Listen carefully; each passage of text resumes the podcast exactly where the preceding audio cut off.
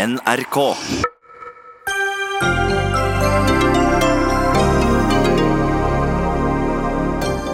Fremskrittspartiet forlater regjeringa og varsler en tøff linje i Stortinget framover. Men peker fortsatt på Erna Solberg som statsminister. Så hvor ble det av vedtaket om at Frp ikke støtter en regjering de selv ikke er med i? Siv Jensen kommer til oss. Det gjør også Erna Solberg, Trine Skei Grande, Kjell Ingolf Ropstad og opposisjonsledere som ikke er helt enige i om dette er en gledens dag eller ikke. Og filmen 'Selvportrett' handler om kunst og anoreksi. En farlig blanding, advarer Spiseforstyrrelsesforeningen, som er redd for at sykdommen blir idealisert. Men regissør Margaret Olin håper filmen kan bidra til at flere kan få hjelp.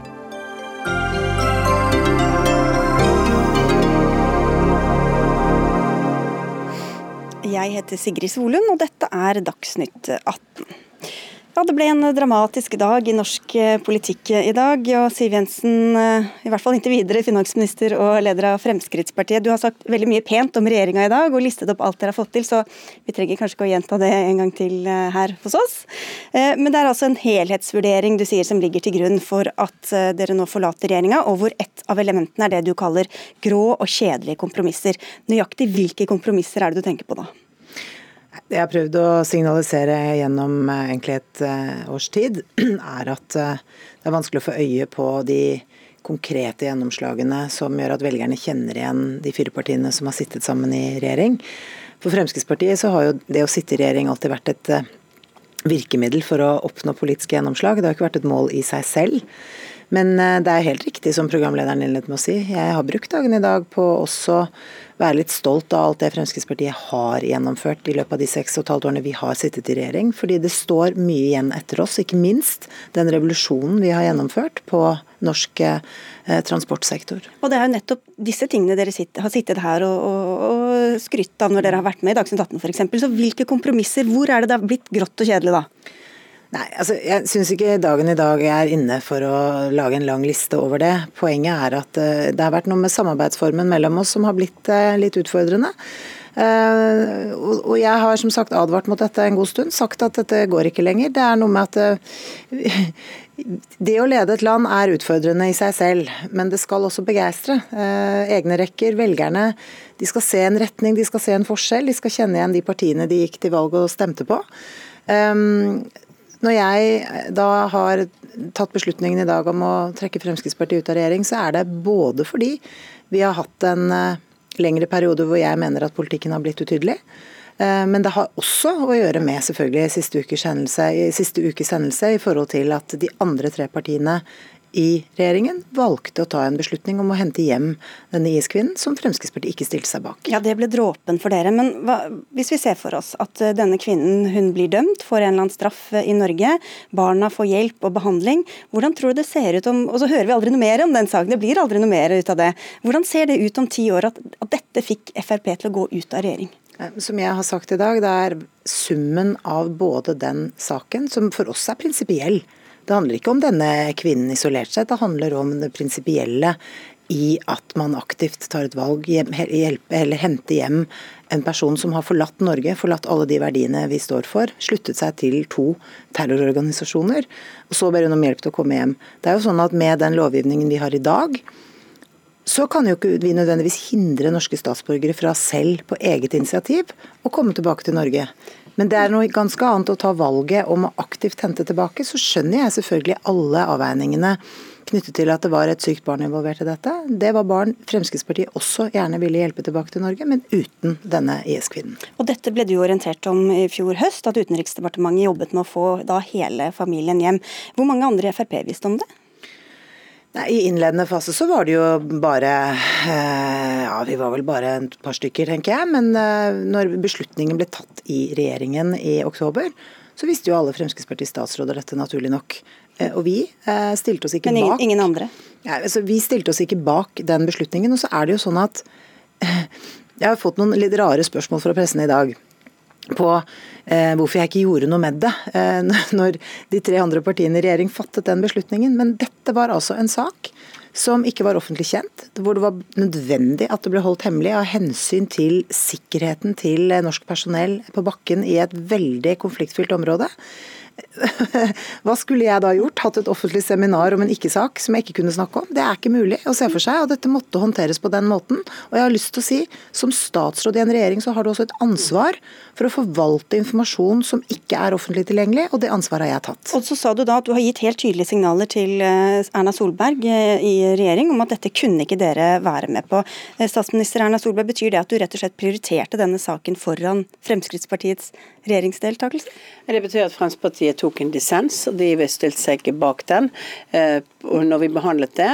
Det har vi andre dissenser på, på fra tidligere, men det som er viktig for oss, er at det er det å kunne hjelpe et sykt barn eh, fremfor ro i regjeringen, var et valg vi var nødt til å ta på det tidspunktet. Eh, som, som, som, vi gjorde, som vi mente var et riktig, riktig valg å gjøre, ut ifra de, de informasjonen og den eh, kunnskapen da om at dette barnet skulle være sykt og skulle være i fare for, for helsetilstanden hvis vi ikke fikk gjort noe. Men, men, hvor tydelig oppfattet du at Siv Jensen var på at da kunne dette bli uh, alternativet? Vi har mange interessante og gode diskusjoner i en regjering som jeg ikke kommer til å kommentere utad eller i i, forhold til andre. Det er viktig at dette dilemmaet som vi alle sto oppi, eh, var veldig tydelig og klart for et vanskelig dilemma på alle sider. Eh, det var et sykt barn. Det var en kvinne som vi egentlig ikke ønsket, iallfall ikke for Høyres vedkommende, å hente tilbake til Norge. Men, men, hvor vi fant ut at for å få dette barnets del, så måtte vi gjøre det.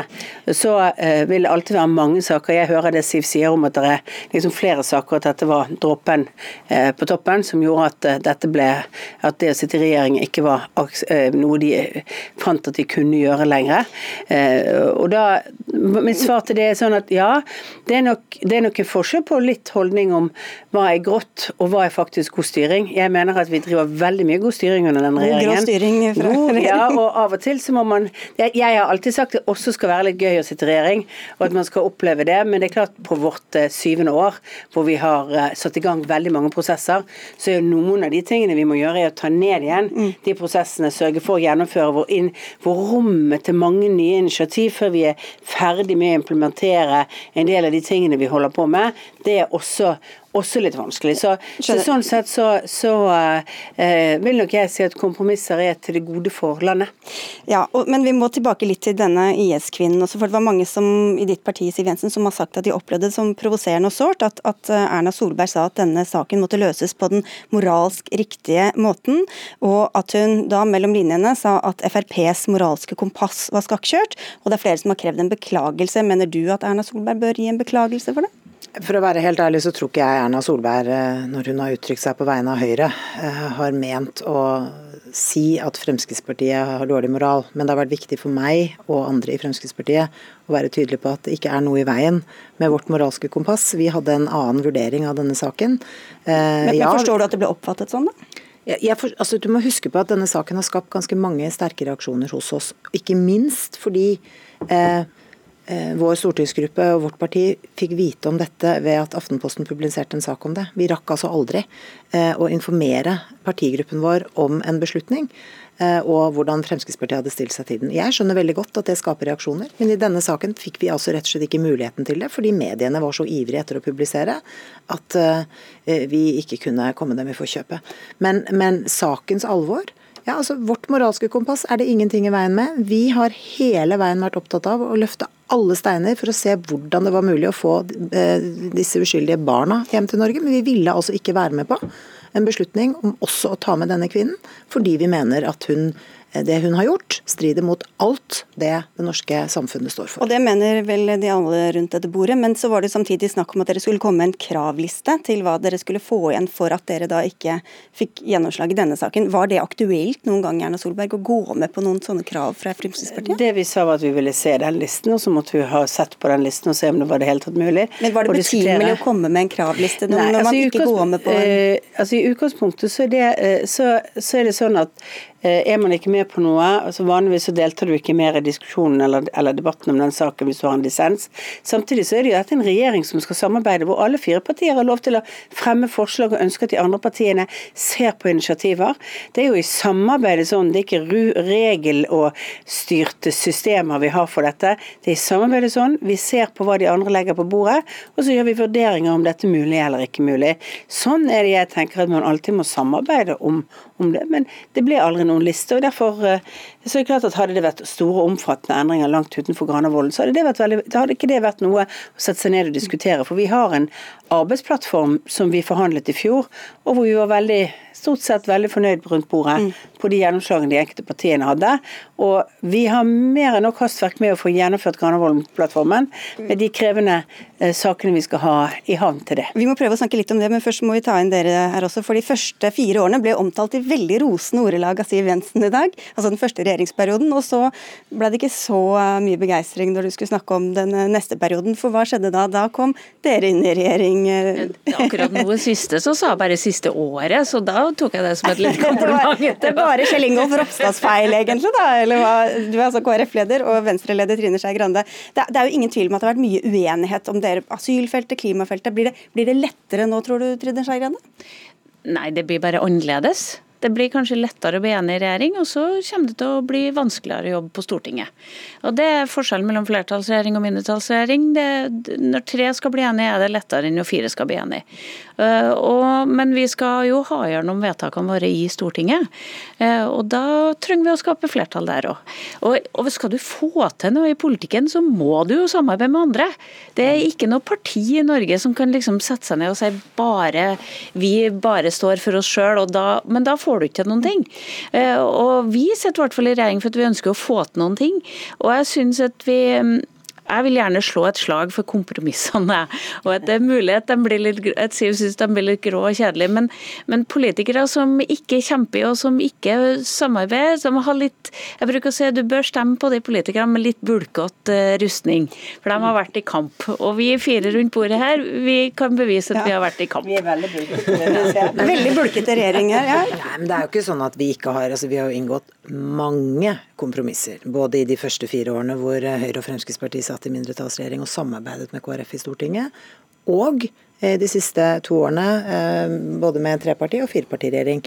Og jeg sa også i dag at vi kunne fint stått vi videre i en del kompromisser hvis eh, det ble litt mer tak i, i noen av de politiske løsningene. Det ble for lenge mellom hver gang man så Eh, partienes eh, gjennomslag. Og det har trettet ut vår organisasjon, våre velgere, og nå var tiden kommet for å ta konsekvensen av det. Men så er jo det som det ble klart i dag fra Erna Solbergs side, at det, skal, skal ikke, eh, det er Granavolden som fortsatt skal gjelde. Det er ikke noen nye um, forhandlinger, Kjell Ingolf Ropstad. Hvorfor skal dere ikke ha det, egentlig?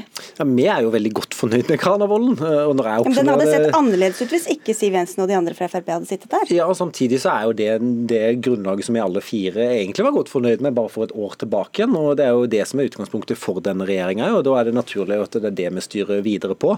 Eh, men jeg vil understreke at for KrF så har det vært, eh, vært veldig mange gode gjennomslag det siste året. Eh, vi, vi har jo ettårsdag på onsdag for regjeringa. og Jeg satt og summerte her i helga, og vi kom på over 50 viktige saker for KrF. Alt fra familiens valgfrihet til å styrke landbruk og distriktspolitikken. Ja, men, men det, politikk handler jo om å få gjennomført sak etter sak, og der mener jeg at vi fire har funnet gode løsninger. Enten det var de fire første årene når vi satt, eller fem første årene når KrF satt i Stortinget og samarbeida mellom disse fire, eller når vi har sittet i regjering. Og jeg er enig i at skal du finne de gode løsningene, så er, ikke, eh, så, så er du nødt til å lage kompromisser. og Derfor håper jeg jo at eh, den neste tida, når det blir en, en sentrum-høyre-regjering, at vi klarer å få til gode løsninger med opposisjonen i Stortinget. Men det kan jo virke litt forvirrende hvordan dette skal gå. Du sier Siv Jensen, at du peker på Erna Solberg, hun er den beste til å lede landet. Samtidig har jo dere sagt i mange mange år at dere ikke vil støtte en regjering som dere ikke er del av. Hvordan henger dette sammen?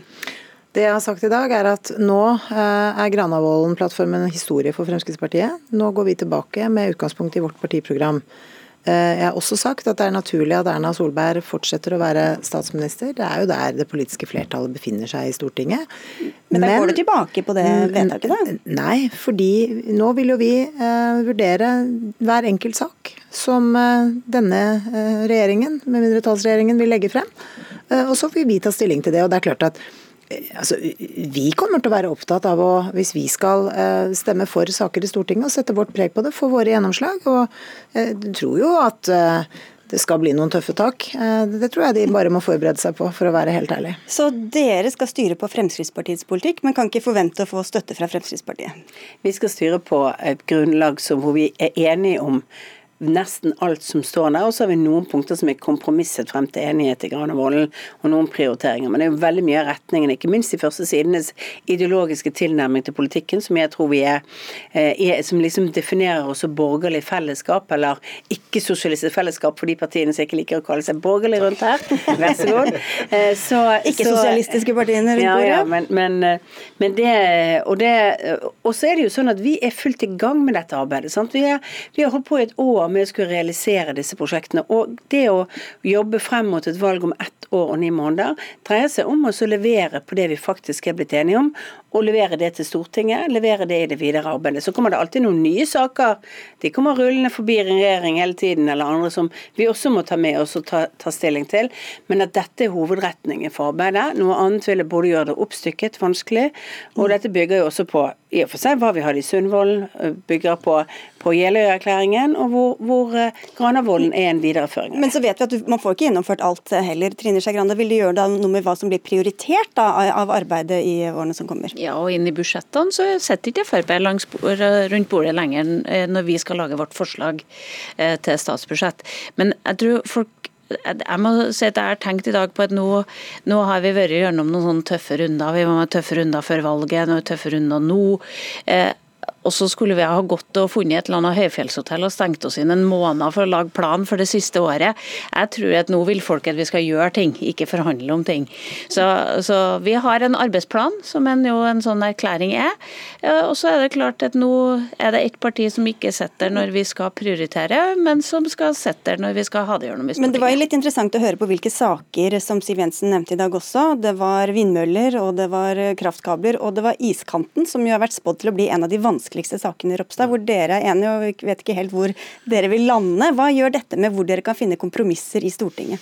Nei, I utgangspunktet så registrerer jeg hva Siv Jensen sier om at hun eh, styrer på Frp sitt program og, vil ta sak eh, for sak. Jeg håper jo at vi kan samarbeide konstruktivt både med Fremskrittspartiet og resten av opposisjonen. Så tror jeg Trine Skei Grande har rett i at det, det vil kanskje være lettere å finne løsninger i regjering, og så vil det være litt mer krevende å få det gjennom i Stortinget. Men, men der håper jo jeg på konstruktivt samarbeid og så får en jo se hva de andre partiene òg kommer med av ulik tilnærming til, til, de spørsmålene. Iskanten er et veldig viktig spørsmål. Det handler om eh, miljøvernhensyn, eh, et klimaperspektiv. Så, så, det kommer til å bli en, en viktig sak for KrF uansett uansett. Så handler det ikke minst om å fortsette å legge til rette for gode rammebetingelser for vår viktigste næring, som sysselsetter 200 000 mennesker over det ganske land. Og en stor og viktig distriktsnæring som Fremskrittspartiet ønsker å gi gode, forutsigbare rammebetingelser. Dere skal løpe videre, men to spørsmål først til deg, Siv Jensen. Tar du gjenvalg som partileder? Partileder på landsmøtet? Jeg har jo sagt i dag at jeg ser frem til å lede Fremskrittspartiet inn i det videre arbeidet vi nå går inn i. Vi skal jobbe med å videreutvikle partiorganisasjonen, vi skal lage et nytt partiprogram, og ikke minst så skal vi finne rollen vår, ja? så skal vi finne rollen vår som eh, et eh,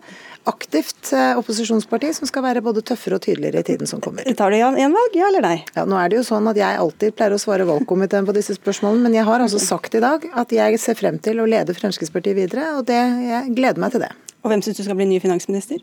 Det er det nå ikke opp til meg å mene noen ting om, gitt. Det er opp til deg, Erna Solberg. Men det er, det er en trist dag for deg også i dag. Det, var... det er selvfølgelig en trist dag. Altså for det første fordi at jeg, vi har investert mye i godt samarbeid over mange år. Jeg har godt samarbeid med Siv personlig, men også med veldig mange av de statsrådene som nå da går ut, eh, som jeg syns har vært dyktige og flinke statsråder. Og så eh, mener jo jeg at eh, sånn er det i politikken. Eh, vi, vi, kommer til å møtes og diskutere som fillene fyker sikkert helt sikkert også fremover på saker som skal gjennom i, i Stortinget. Men i bunn så mener jeg fortsatt at dette er fire partier som har et fellesskap på grunnleggende holdning inn til, til, hvordan vi skal løse problemer i vårt samfunn. At makt tilbake til enkeltmennesket er viktig. Familiene skal bestemme mer. Så i det så mener jeg fortsatt at vi har et godt fellesskap i det jeg vil kalle et borgerlig fellesskap. Noen vil definere som da ikke sosialistisk. Ja. Dere, vi skal skippe til både sosialister og andre. Takk skal dere ha for at dere var med her. Erna Solberg, Siv Jensen, Trine Skei Grande og Kjell Ingolf Ropstad. Dagsnytt 18 alle hverdager klokka 18 på NRK P2 og NRK2.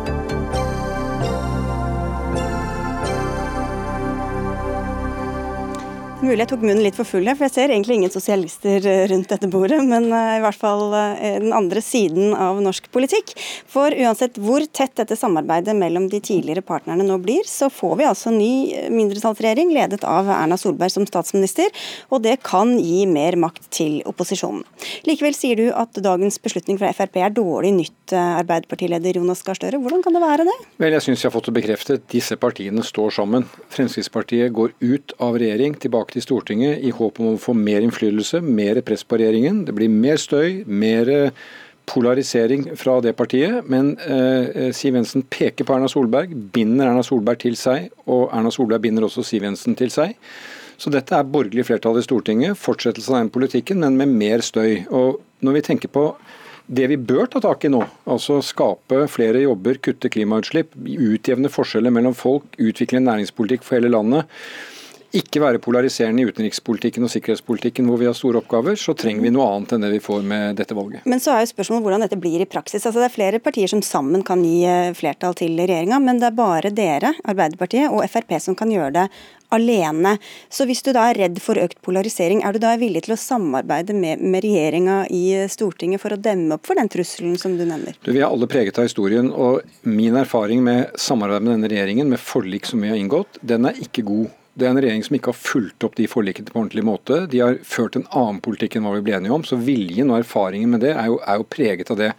Jeg er valgt for å få gjennomslag for Arbeiderpartiets politikk, og hvis vi kan få flertall i Stortinget på forslag vi fremmer som vil utjevne forskjeller, som sørger for å fordele midlene mer rettferdig, som skaper jobber mens vi kutter klima, så skal jeg gjerne være med på det. Men i praksis ser du da heller at de går til Frp og får samarbeid med den siden, enn at du Men det er det du hører her i dag. De, bunnet, de, er fortsatt bundet til hverandre. De Nei, men Frp sier at de vil bare stemme for sin egen politikk. Ja, så Vi får se på, vi får se på mønsteret når det kommer. Eh, jeg har sagt i dag f.eks. på bioteknologi, innskrenkningene der som gjør det vanskeligere for mennesker å få hjelp fra ny teknologi. Eh, få reversert det de gjorde på abortloven. Hvis Frp er villig til å være med på det, så skal vi stille opp for det.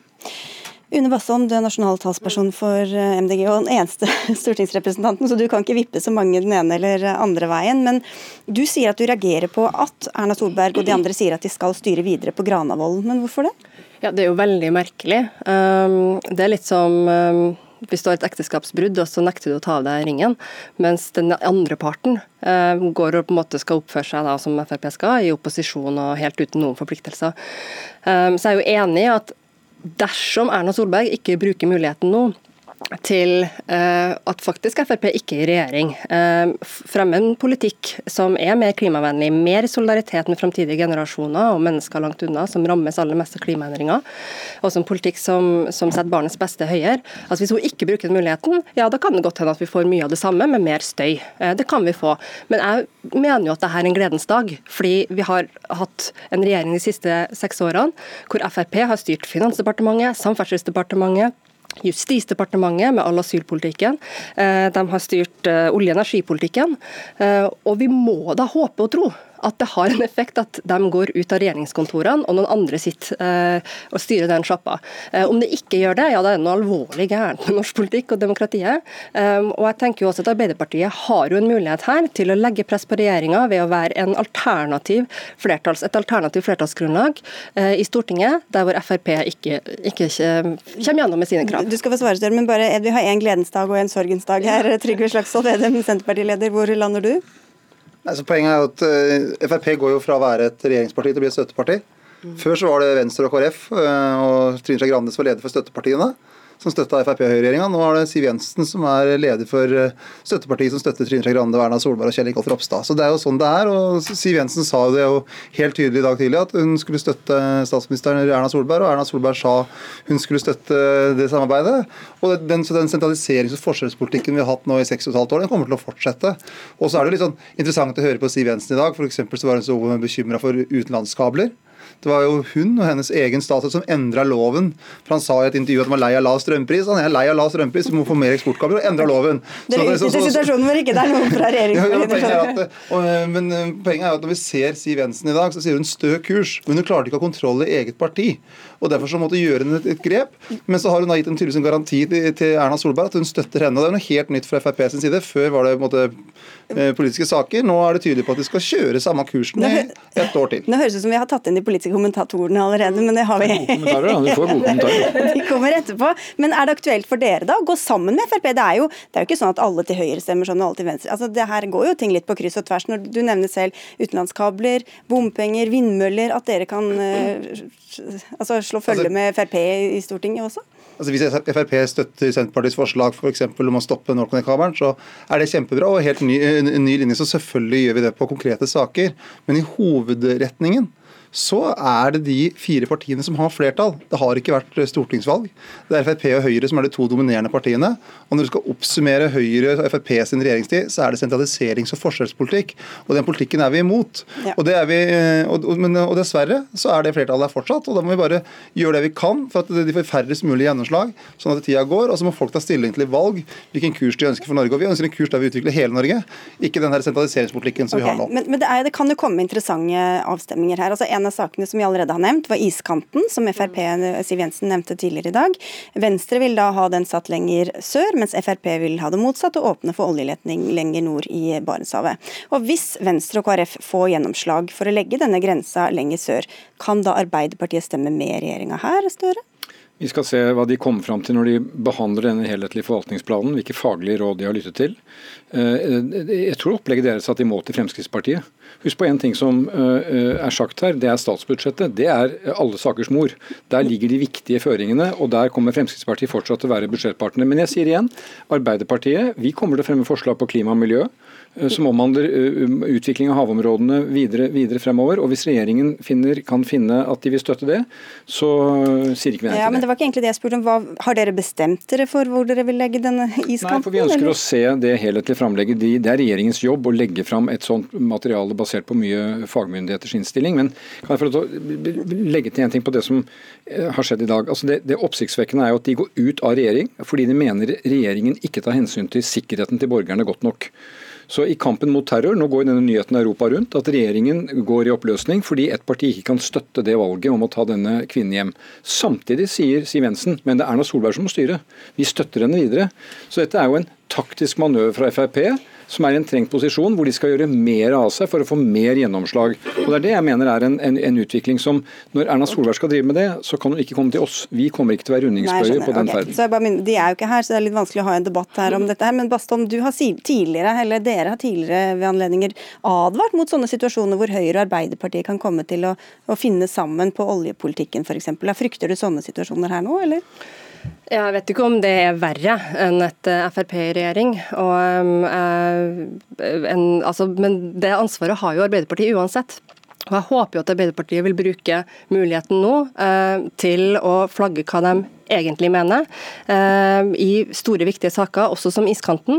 Eh, hva de egentlig setter først. når det de stemmer i Stortinget betyr no noe for hva som skjer med landet.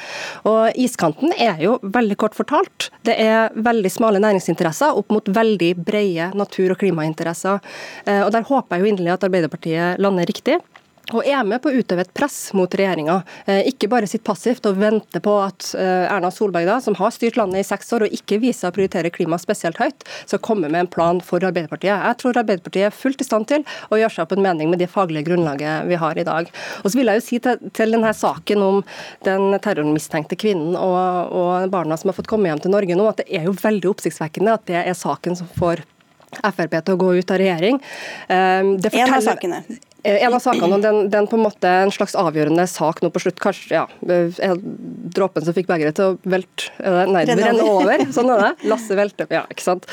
Men, ja, man skal passe seg for sånt. Men uh, det er oppsiktsvekkende. Også, jeg tenker sånn, hvis, hvis, Frp ikke er i stand til å sitte i en regjering som setter menneskerettigheter og respekterer folkeretten, så har de ingenting å gjøre i den regjeringa. Ja, de mener jo at de har tatt andre vurderinger og lagt andre Det gjør de. Ja. Uh, men jeg er jo veldig glad glad for at den debatten vi fikk etter hvert i Stortinget, og, og det presset vi har klart å utøve i Stortinget i den saken, som førte til at uh, kvinnen og, barna fikk komme hjem, uh, faktisk gjorde at, uh, at regjeringa tok rette beslutning. Men sånn som jeg hører dere, så mener du også Vedum, at det forandrer egentlig ingenting der på dynamikken at Fremskrittspartiet har gått ut av regjering? Ikke på hovedretningen. Altså de store reformene. For ta, ta nærpolitireformen, som er en av de store reformene som regjeringa har gjennomført. Der var det Frp som førte det. De Gjennomførte tidenes sentralisering av norsk politi. Erna Solberg har støtta det. Ta Viken, en rar region rundt Oslo, som Akershus, Østfold, Buskerud. De kjører samme linja. Avgiftspolitikken som har gjort avgifter høyere for vanlige folk og lavere inntekter, mens de store skattekutta har gått til noen veldig få. Så de der hovedkursen det kan være i enkeltsaker, og det skal jo selvfølgelig både Senterpartiet og andre partier prøve å bruke mulighetene i enkeltsaker. F.eks. la stoppe utenlandskabler, eksporterer strøm og gir høyere strømpris i Norge. Men, men det er jo viktig at man vet at retningen fikk støtte i et valg for fire år siden. altså Høyre, Frp, KrF og Venstre fikk et flertall. Og Vi mener at det, det, den kursen de har lagt er, er grunnleggende feil. må, Men de får stå for sin kurs, så får vi si vår kurs. Der vi tror på nærhet, en tror mer sentralisering, og så får folk velge sjøl. Eh, for det, Stortingets sammensetning er lik i dag som den var i går. Men Du nevnte det Støre selv, at tiden, altså det, det, er over ferdig med dere for dere å bli med på disse store reformene. Men ser du selv at det kan være et dilemma at dere skal tydeliggjøre dere selv som opposisjonsparti, samtidig som dere egentlig vil holde kursen på en annen retning enn Nei, Fremskrittspartiet jeg, jeg, jeg ser ikke det egentlig som et dilemma. for jeg tenker at Vi som er valgt, vi er valgt på et program. Og vi har mandat og oppdrag til å få gjennomført mest mulig av det programmet. Det har ikke vært det som har definert regjering i Norge. Vi har ikke hatt flertall. Men vi kommer til nå, og vi er liksom i et sig med det, opp mot valget og godt politisk arbeid, å fremme flere forslag. Ikke sant? Vi har grepet inn og sagt at denne luftambulansekrisen bør løses ved at staten overtar det ansvaret. Vi fremmer slike forslag, og hvis det skulle være slik at det er mulighet for flertall for det i Stortinget, så er ikke noe bedre enn det. Så dere kan komme til å komme med, nye, ja. med gamle forslag om igjen. Vi, hva, slags forslag kan det være da? For Nei, jeg nevnte nå bioteknologi i et område. Ja. Bioteknologi gir muligheten til behandling til flere. Flere få, som ikke får barn, kan få barn. Vi kan få gjort om på kanskje abortlovens endringer osv. Det kan vi fremme på nytt. Og så vil vi fremme våre forslag. og Hvis det er slik at Fremskrittspartiet da etter hvert kommer til å fristille seg fra regjering og si at de kan skape flertall for det, vi skal jobbe for flertall for våre saker. Vi har ikke erfaring at det skjer med denne regjeringen, og jeg tror ikke det kommer til å skje nå heller. Ja, så er Det jo det som er litt fint i det norske Stortinget, er at når det er så vanskelig, så har vi inngått i samarbeid med regjeringa selv når vi hadde flertall. F.eks. nasjonale forliket med innvandringspolitikk, og det Senterpartiet som initiativ til 2015. Så dere er ikke ferdig med forlikene? Nei, altså ikke hvis det er bra for landet. Hvis, det er bra for landet, for det er jo Forlik er ikke bra. Nei, men Både Støre og jeg og andre som sitter på Stortinget, vi har jo folket som eh, Det er de som er våre oppdragsgivere, og vi skal være dem stenere. Og da må vi jo, hvis vi skal klare å få til gode forlik som gjør ting bedre, som f.eks. nasjonale forlik på innvandringspolitikken, så er det klokt og godt godt. Men så mener vi at de store grepene som skjedde i forrige periode, i hovedretning gikk grunnleggende feil. Og dessverre så er den kursen veldig klar hos Erna Solberg. Hun, hun har ikke vika en tomme på det. og jeg tror at eh, Konfliktlinjene i Stortinget i store kommer til å være ganske like, men kanskje det kan være noen andre flertall i enkeltsaker. og Det får vi håpe. Det er mye som fortsatt er usikkert, men noe som er helt sikkert, er at det flyttes makt i dag fra regjeringskontorene til Stortinget. Og Da er jo vi i oppgave som stortingspolitikere å bruke den makta til å fremme politikk på vegne av dem vi er stemt inn for. Og jeg vil jo da minne om at veldig mange av partiene på Stortinget også valgte på klimapolitikk de bør fremme. Dere, dette blir jo veldig spennende å følge med på. Neste gang tror jeg vi også inviterer noen som er litt uenige med hverandre til å diskutere. Ditt valgprogramleder, så du har satt sammen sendingen. Tusen takk skal dere ha, i hvert fall for at dere kom med alle tre. Under Bastholm, Jonas Gahr Støre og Trygve Slagsvold Vedum.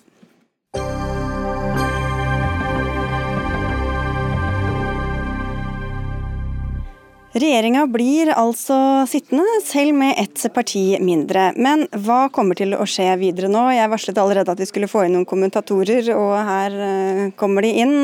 Først til deg, valgforsker Johannes Berg ved Institutt for samfunnsforskning. Det er jo ikke lenger flertall uh, i, altså det er ikke lenger en flertallsregjering. men Hvorfor fortsetter den da bare likevel som om ingenting hadde hendt? Ja, for det finnes jo ikke noe alternativ. Altså det, de borgerlige partiene har flertall eh, på Stortinget. Det eneste muligheten måtte jo være å samarbeide med noen på, på rød-grønn side, men det er ikke, ikke noen mulige flertallskonstellasjoner der heller. Så, så, så, da blir det sånn. Når kan vi vente at denne løsninga som nå ligger, at den blir satt ordentlig på prøve?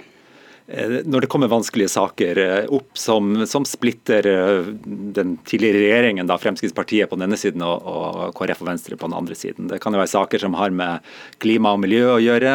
Innvandring har vi jo sett en vanskelig sak. Og, og den store saken blir jo kanskje budsjettforhandlingene til høsten. Ja, For det er annerledes enn at man bare blir enige fra sak til sak?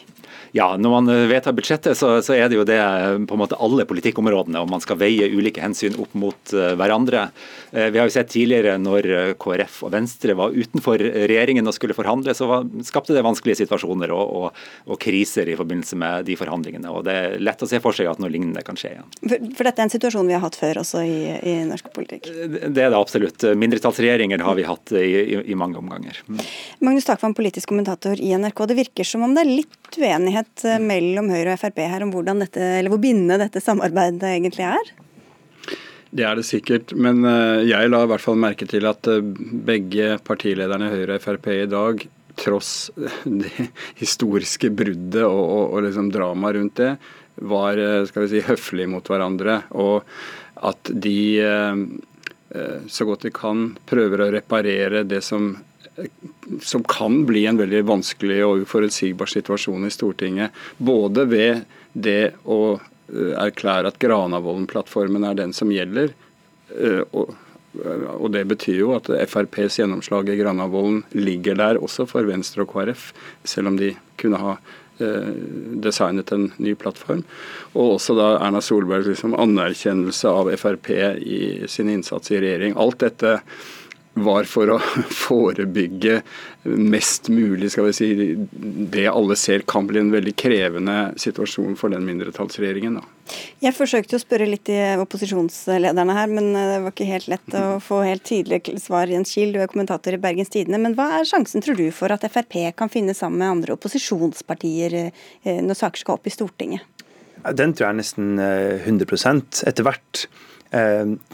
F.eks. den saken som ble nevnt her, da, med bioteknologi. Så er det jo sånn at eh, Fremskrittspartiet, Arbeiderpartiet og SV har i stor grad et sammenfallende syn der på eh, type eggdonasjon, tvillingabort, en del av disse spørsmålene som det jo de vet at det er bred støtte for i befolkningen. Eh, det har vi målinger på. Og som er liksom sånne helt spesifikke enkeltsaker som ikke griper inn i hele statsbudsjettet eller en annen sant, nasjonal transportplan. Sånne store Det er mer prinsipielle ja, akkurat ikke sant? Sånn jeg tror eh, sånne saker eh, kan komme. Eh, eh, og så har du andre saker sant, hvor vi vet at Frp har et helt annet syn på bompenger f.eks. enn resten av eh, politikken, resten av partiene. Eh, eller eh, så videre. Men ikke sant, så er det igjen, som vi var innom her, altså, eh, mye henger også fast i statsbudsjettet. Det er der man f.eks. vedtar hvor mange kvoteflyktninger som man skal ta inn. sånn at en del sånne saker vil jo være litt sånn uh, take it or leave it i en stor budsjettforhandling. Hvilke saker utover bioteknologi kan bli spennende å følge med på framover, Magnus? Altså Det er jo eh, saker som er blitt nevnt, er bl.a. rusreformen, da, som, der det kom en utredning som, eh, som foreslår å avkriminalisere bruk av narkotika f.eks. Der har Frp markert eh, motstand. KrF har jo også det, men de er jo da bundet av, eh, av regjeringslojaliteten. Så det er en, tror jeg er en typisk sak som kan bli eh, debatt rundt. Eh, men jeg har i forbindelse med budsjett budsjettdiskusjonen, og jeg er helt enig i at det er det viktigste dokumentet Stortinget vedtar, så er jeg nokså sikker på at det er en slags deal mellom eh, Siv Jensen og Erna Solberg, om ikke så, så, så helt sånn skrevet ned, men at, den, at hun stiller opp på budsjettet selv om det sikkert blir litt bråk og litt uh, turbulens rundt det, så vil jeg, vil jeg sagt at det var en kjemperisiko av Erna Solberg hvis hun gå, gå, videre med dette prosjektet uten å ha noenlunde sikkerhet for, for, det til høsten. Altså at det blir en enda en krise til da. Så det, det, det er i hvert fall Det tror jeg. Men Hvordan skal da Frp klare å på en måte markere seg som eh, mye tøffere parti utenfor regjeringa, hvis de er med på budsjettforlik? Det kommer jo litt an på altså, hva det budsjettet blir. Altså Høstens budsjett var det jo enighet om i egentlig alle Eh, partiene, og ikke minst hos oss i kommentariatet, som jo egentlig styrer sjappa, at det var et ganske kjedelig budsjett. Og det hender jo ofte at er når man er på vei inn i et mellomvalgår, og så kan det jo da være at, at regjeringen eh, som nå eh, frem til nå har vært, har forberedt noen litt mer spennende saker som kommer til høsten. ikke sant? Og som eh, Frp bl.a. vet at kommer. For at når vi, kommer, når vi allerede er inne i året som vi er nå, så har de jo begynt å tenke på høstens budsjett eh, ganske konkret. Da. Og Så er det en annen sak som kan bli spennende å følge med på. Og Det er jo spørsmålet om eh, eh, Nav-saken og mistilliten. fordi der har vi jo fram til nå hatt en flertallsregjering, og da er det jo litt sånn Man kan erklære mistillit, ja eller nei, men det får ingen konsekvenser utover den symbolhandlingen, den tunge symbolhandlingen det er. Eh, nå tror ikke jeg at Frp det første vi gjør er å rasle med mistillitssablene mot en regjering de selv har vært en del av inntil helt nylig. Men det er jo en sak som er mer sånn Sånne type saker vil jo Mm. endre seg. altså eh, rett og slett Stortinget får mer makt sant, i en mindretallsregjeringssituasjon. Og så- men Magnus Takvam, det er jo ikke bare Fremskrittspartiet, men også Venstre særlig har snakket om at det har vært litt lite piff i regjeringa. Det har vært mange dragkamper. Man skulle kanskje tro at det var en virkelig gledens dag for, for KrF og Venstre, men det er vel ikke gitt eh, heller. Ja, altså, på en måte så ikke sant, Det er en slags eh, speilvending av situasjonen for, fra det, det første, den første Solberg-regjeringen eller mellom 2013 og 2017, da KrF og Venstre var i Stortinget og, og i hvert fall tilsynelatende kunne få oppmerksomhet eh, som støttepartier. Eh, nå er de mye mer bundet. altså De er i en situasjon der de er bundet av denne Granavolden-plattformen, tross alt og har, har et eh, ikke uendelig manøvreringsrom. Eh, Så jeg, jeg tror ikke at det er sånn, sånn kjempelett for de to mindre partiene heller å, å markere seg i, i, i en sånn situasjon. Johannes Berg, du følger jo også meningsmålingene og utviklinga eh, i opinionen, i oppslutningen tett. Hvordan, hvordan tror du dette kan slå ut for egentlig alle partiene? Ja, det, det har jo vært en del spekulasjoner om det. Og, og det er klart For noen av partiene så kan det jo bare gå én vei, det kan gå oppover. Fordi KrF og Venstre ligger så lavt på, på målingene. Hvem sa du? Nettopp. Eh, Mens og Fremskrittspartiet ligger også dårlig an i likhet med, med Høyre. Så, så mange partier håper vel, mange av de partiene håper vel at de skal få en gevinst eh, ut av dette. Og, og Fremskrittspartiet får en litt uh, friere posisjon uh, på Stortinget, men ikke så mye friere som vi har snakket om. De, de er låst kanskje til denne regjeringen på, på flere måter. Så, så det er ikke gitt at det vil være en stor gevinst. Eh, Hvis vi tenker tilbake på de fire første årene til Solbergs regjering, eh, når KrF og Venstre var støttepartier, så gikk også de nedover på målingene i den perioden. Så det er ikke en, en posisjon hvor man eh, nødvendigvis tjener veldig hvis, hvis regjeringen opplever slitasje og det er en del misnøye med regjeringen. Og hva med Arbeiderpartiet f.eks., som, som skal på en måte markere seg som opposisjon og ansvarlige på en gang? Ja, For Arbeiderpartiet så, så er det vel sikkert en, en, en god dag i den forstand at, at de kan fremstå som et veldig troverdig eh, alternativ til den eh, sittende regjeringen, og at eh, den borgerlige siden da ikke det, Troverdigheten til regjeringsalternativet på borgerlig side har, har gått ned. Men så kan mye skje frem mot neste stortingsvalg, og hvis det oppstår en situasjon hvor, hvor Arbeiderpartiet må, må overta, så, så vil jo det forandre mye av Men, men du skriver Kiel at det er um, denne exiten fra Fremskrittspartiet er den beste sjansen de borgerlige har uh, forkant av neste valg? Det gjør jeg, Solund. Det er rett og slett en sak som gjør det litt vanskeligere å være politiker, tror jeg, og kanskje litt lettere å være velger. For det blir litt enklere å se de forskjellige eh, partiene fra hverandre.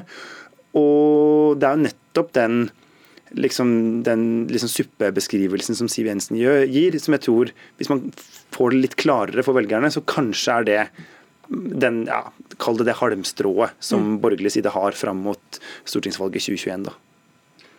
Ja, det, vi får se. Det, det går an å argumentere stikk motsatt. Altså på, på, en, på en måte så Litt avhengig av hvordan de håndterer denne nye situasjonen. Eh, I verste fall for dem så kan det jo bli en situasjon som er preget av veldig mye konflikt og problemer for mindretallsregjeringen og for flertall. Og liksom halvannet år eh, i, i halvannet år fram til valget liksom få et bilde av en, eh, av en veldig svak regjering. Så og, og det er ingen jeg, jeg føler nok at Siv Jensen har ikke hatt en lykkelig dag i dag. Det, var ikke hennes, hennes eh, primærvalg å, å gjøre dette, men partiet tvang henne på en måte til, til å gjøre det. Eh, sånn at de har ganske tøffe utfordringer, også i, Frp, eh, framover. Og Siv Jensen har jo da på en måte sagt at hun, hun vil ta roret og prøve å holde partiet sammen. Samtidig, helt på tampen her, så tar hun jo med seg en del eh, statsråder. Eh, Hvis du skal spekulere, Jens Kiel, hvem tror du kommer inn? Ja, altså Dine kollegaer i Sogn og Fjordane har allerede ringt meg og spurt om det er noen sjanse for en Sogn og Fjordane-statsråd. og sånn. Men jeg, De er opptatt av distriktene, vet du. Eh, ja, ja. Men det er klart eh, Det er jo mange som er eh, aktuelle.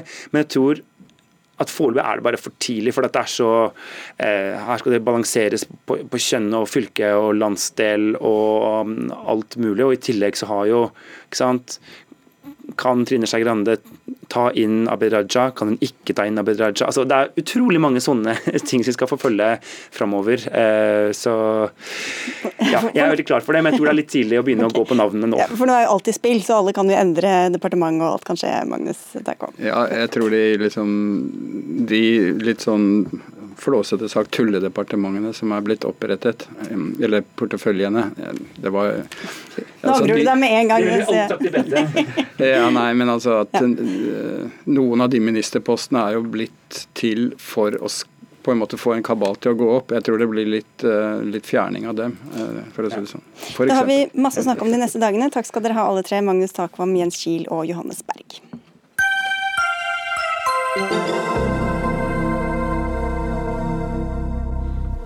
For nå skal vi snakke om noe helt annet. Fredag hadde filmen 'Selvportrett' premiere, men allerede lenge før det var debatten om filmen i gang. Den er et portrett av Lene Marie Fossen, som døde i fjor høst.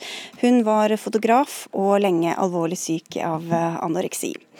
Og I en kronikk i VG så kommer du med noen kritiske innvendinger til filmen under overskriften 'Et applaudert sykdomsbilde'. Frida Brekkum Jensen, du er rådgiver hos Spiseforstyrrelsesforeninga. Og Filmen handler jo både om sykdom og om kunst, men du er kritisk til hvordan denne blandingen balanseres. Hvorfor det? Nei, Jeg er jo redd for at uh, sykdommen skal romantiseres. Uh, jeg er redd for en helliggjøring av sykdommen. At den skal bli et fascinasjonsmoment og noe å undre seg over, fordi dette er ja, blir framstilt som noe vakkert, da, som bl.a. også Morten Krogvold eh, uttaler seg om. Men Du sier at du var redd for det, men du har jo sett filmen. Mener du at den også ble det? Ja, det gjør jeg. Eh, det var flere ting og flere ting som ble sagt eh, og vist i filmen som jeg mener gjør nettopp det, og understreker nettopp det. Hva da? Nei, blant annet altså selvfølgelig bildene. Eh, og faktum av at Morten uttaler seg og får lov til å prate fritt om, ja, om kunsten uten konsekvenser for det han sier. Eh, jeg mener jo at han eh, opprettholder og sykdomsdyrker Lene Marie Fossen i hennes sykdom. Og at han underbygger hennes sykdom for å opprettholde kunsten. Vi har ikke Morten Krogvold her, men vi har deg her, Margrethe Olin. Du er produsent for filmen og også regissør sammen med Katja Høgseth og Espen Wallin. Og jeg vet at dere har diskutert, gjort veldig mange vanskelige avveininger. Hva, eh, når du hører kritikken her, hva, hva, svarer du på akkurat disse momentene? Mm. Um, filmen har jo fått en veldig brei og veldig god mottagelse, og så er det noen stemmer få, men noen stemmer som sier det som Frida gjør her. Eh, og I det innlegget hun skrev i avisen, så skriver hun også at hun selv har vært i berøring med, med sykdommen selv. Da. Og at det er veldig ydmyk i det møtet. Og jeg tenker at liksom alle lesninger av denne filmen er velkommen. Selvfølgelig er de det. Eh, jeg har jo som produsent og regissør valgt å løfte Lene Marie sin historie ut i offentligheten. Jeg opplever at hun er veldig god til å formidle og snakke om hvordan det er å være på innsiden av den sykdommen. Hun har levd med den i 20 år. Men vi løfter også frem Lene Maries bilder. Eh, det gjør jeg fordi jeg opplever at hun er en stor kunstner. Eh, og hun evner å løfte bilder av seg selv, bl.a. opp på et høyere nivå og gjøre det til et bilde på allmenn lidelse.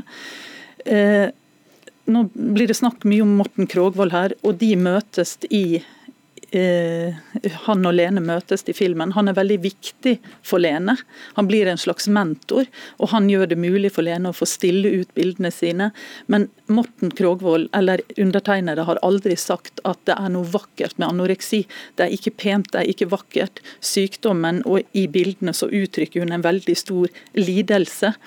Men hun tar bilder som holder en veldig høy klasse, og det er noe annet. Mm. Ja, Jensen? Nei, han sier jo ikke nødvendigvis at altså direkte at sykdommen er vakker, men han sier jo at det er skjønnhet i det.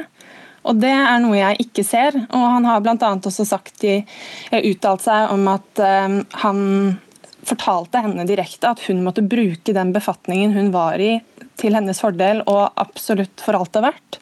Og Det blir helt, helt feil. Ja, men, vi har jo ikke det, men Hvis dette er med i filmen, så er, står jo dere inne for det uansett, eh, Olin, vil jeg tro. Ja, altså det han sier det er at eh, stor kunst ofte eh, kommer ut fra smerte. Altså at når man eh, altså Store kunstnere bruker livserfaringen sin. Det betyr ikke at man må være låst fast i en sykdom for å skape stor kunst, på ingen måte. Men det han ser, er at Lene bruker et kunstnerisk verktøy til å uttrykke seg om sykdommen sin, kanskje bortenfor ordene, bortenfor språket, og at i disse bildene så kan vi finne spor av hvordan hun opplever å være syk. da. Eh, så For meg er det det motsatte av romantisering og idealisering. For meg handler det om, å, sånn som Lene gjør, hun fremstår og fremstiller sykdommen veldig rått og brutal, akkurat sånn som den er.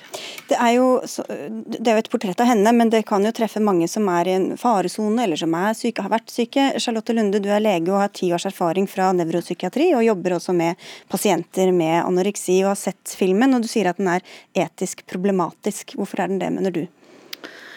Altså, Hvis målet er å si noe viktig om uh, anoreksi, så syns jeg på en måte at den filmen uh, ikke lykkes med det. Uh, altså Problemet er ikke at man vil fortelle Lene Marie Fossens sterke historie, for den er veldig sterk, men det er hvordan man velger å gjøre det. og Jeg syns at Frida Jensen har noen gode poenger her i forhold til å bruke begreper som helliggjøring når det gjelder det visuelle. Eh, for dette er jo ikke bare portrett av en fotograf med et kunstnerisk prosjekt, men, men også en alvorlig sykdom. Og jeg syns at uh, i likhet med Frida, så, så, så, grenser det til en idealisering av denne sykdommen da, gjennom hvordan man bygger opp hennes uh, fotografiske prosjekt. Og det refereres til hennes mentor Morten Krogvold her, og han snakker mye om komposisjon og lyssetting i, og det tekniske i de selvportrettene hennes. Eh, som man skal plukke ut til en større utstilling i, i filmen, uten overhodet å nevne på en måte hvordan eh, hovedpersonen har valgt å iscenesette seg eh, som utsultet. Og det er veldig rart, eh, syns jeg. Altså, anoreksi er også en identitetsforstyrrelse. Og Lene Marie Fossen sier selv rett ut i filmen at hvis ikke jeg har sykdommen min, hvem er jeg da? Uh, og det er jo sykdommen hun blir sett med veldig i disse portrettene. Mm. Ja, altså Lene Marie sier i filmen at hun eh, er redd for å bli frisk. Hun har vært syk siden hun var ti år. Og ja, selvfølgelig er sykdommen knyttet opp til hennes identitet, og hun vet ikke hva det er å være frisk, sier hun. I denne filmen så prøver vi å, å virkelig eh, fremstille kompleksiteten i den. Um, og Lene har jo et veldig spalta sinn. På den ene siden så ønsker hun sterkt å bli frisk, men hun evner ikke å motta og nyttiggjøre seg den behandlingen hun har blitt tilbudt. Og på den andre siden så har hun et sinn som på en måte nedkjemper henne selv. Og så langt vi føler det forsvarlig i møte med Lene og hennes familie, så prøver vi å fremstille kompleksiteten i denne sykdommen. Det er en sykdom som møtes med mye fordommer, hvor Lene har holdt seg skjult på gården på Kolbu fordi hun har så mye skam og skyldfølelse. Disse portrettene, disse bildene, eh, de forteller noe om mennesket bak diagnosen. Det sårbare, skjøre mennesket. Og Det er ikke helt riktig som du sier, at Morten ikke tar opp det. Litt senere i filmen så sitter Lene på scenen i en samtale med Morten, og hun sier noe om at hun alltid har følt seg som en artist. og han bringer opp sykdommen, hvordan disse bildene nesten terapeutisk kan virke for henne. Så det blir berørt. Eh, og Hun sier også at med disse bildene så ville jeg kle av meg, eller legge fra meg skammen. Mm. Og Hun sier også at med disse bildene så håper hun å kunne hjelpe andre. Hvilke signaler sender det til andre Lunde, som er i, enten de er i faresonen eller de er syke, eller? Um, altså, det har jo vært noen, noe kritikk fra brukere på at, uh, at det å holde seg i live så lenge med så lite mat på en måte blir eh, satt ord på i filmen. Altså, men, men, jeg tenker på dette uh, du sier uh, altså Jeg er ikke spesielt opptatt av diagnoser, og jeg mener også at psykiatrien kan feile i å se hele mennesket, som dere har vært opptatt av. Men og Jeg er heller ikke i tvil om at kunst og kreativitet kan skape rom for gode fortellinger om psykisk sykdom.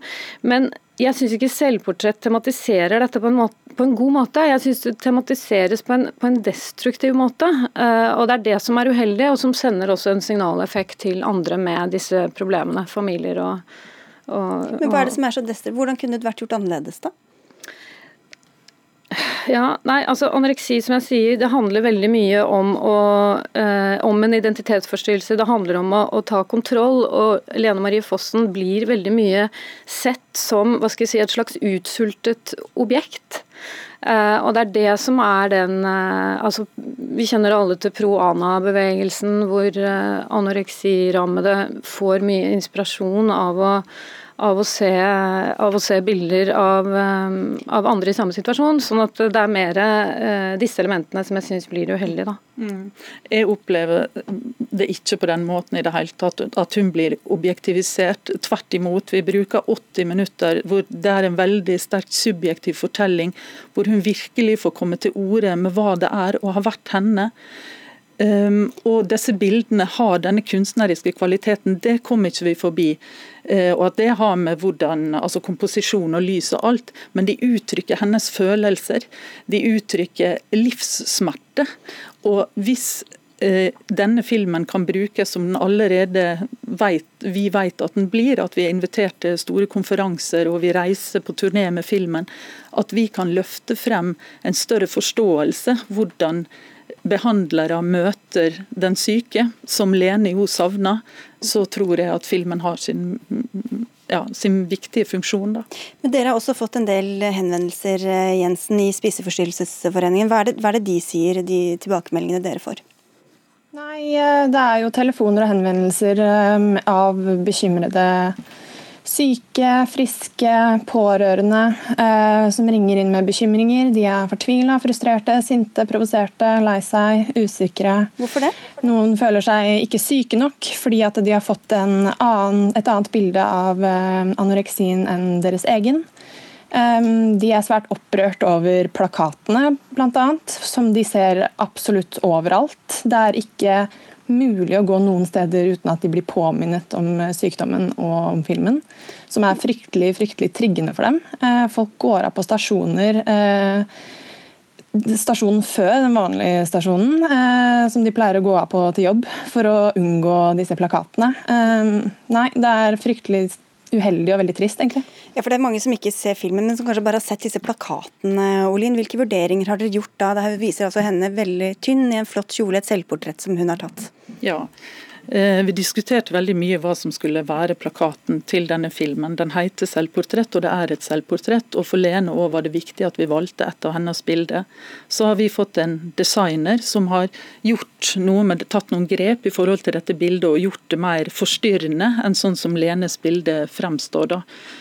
Um, det som eh, Frida forteller her, det er jo noe som vi selvfølgelig må ta på alvor.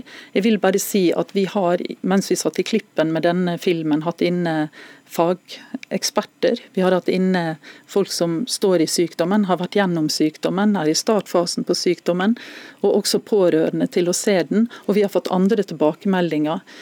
Um, og så er det jo sånn at Den plakaten finnes der ute, men vi reiser på turné. Jeg sitter her og prater om den. Eh, vi har gjort masse intervjuer, så det bildet er ikke det eneste som møter de. Det er en, en del av en større fortelling rundt dette. Men for meg, det plakatbildet, så er det ja, det, det bildet til Lene. Lene ber oss om å tåle den kroppen. Jeg tror at vi skal tåle den. Eh, men den sier også noe om hva som er på innsiden, innsiden av den kroppen. Og så vil jeg også selvfølgelig bare si at de som henvender seg til denne telefonen og andre telefoner som oppgis på filmens sluttplakat, de må ha noen å snakke med, men de må også få hjelp når de ber om hjelp. Dere, Vi rekker ikke mer. Filmen går på kino, så alle kan gå og se den. Takk skal dere ha for at dere var med og diskuterte den. Margrethe Olin, Frida Brekkum Jensen og Charlotte Lunde. Dagsnytt 18 er over for i dag. Eh, Odd Nytrøen, Lisbeth Sellereite og jeg, Sigrid Solund, takker for oss og ønsker en fin kveld.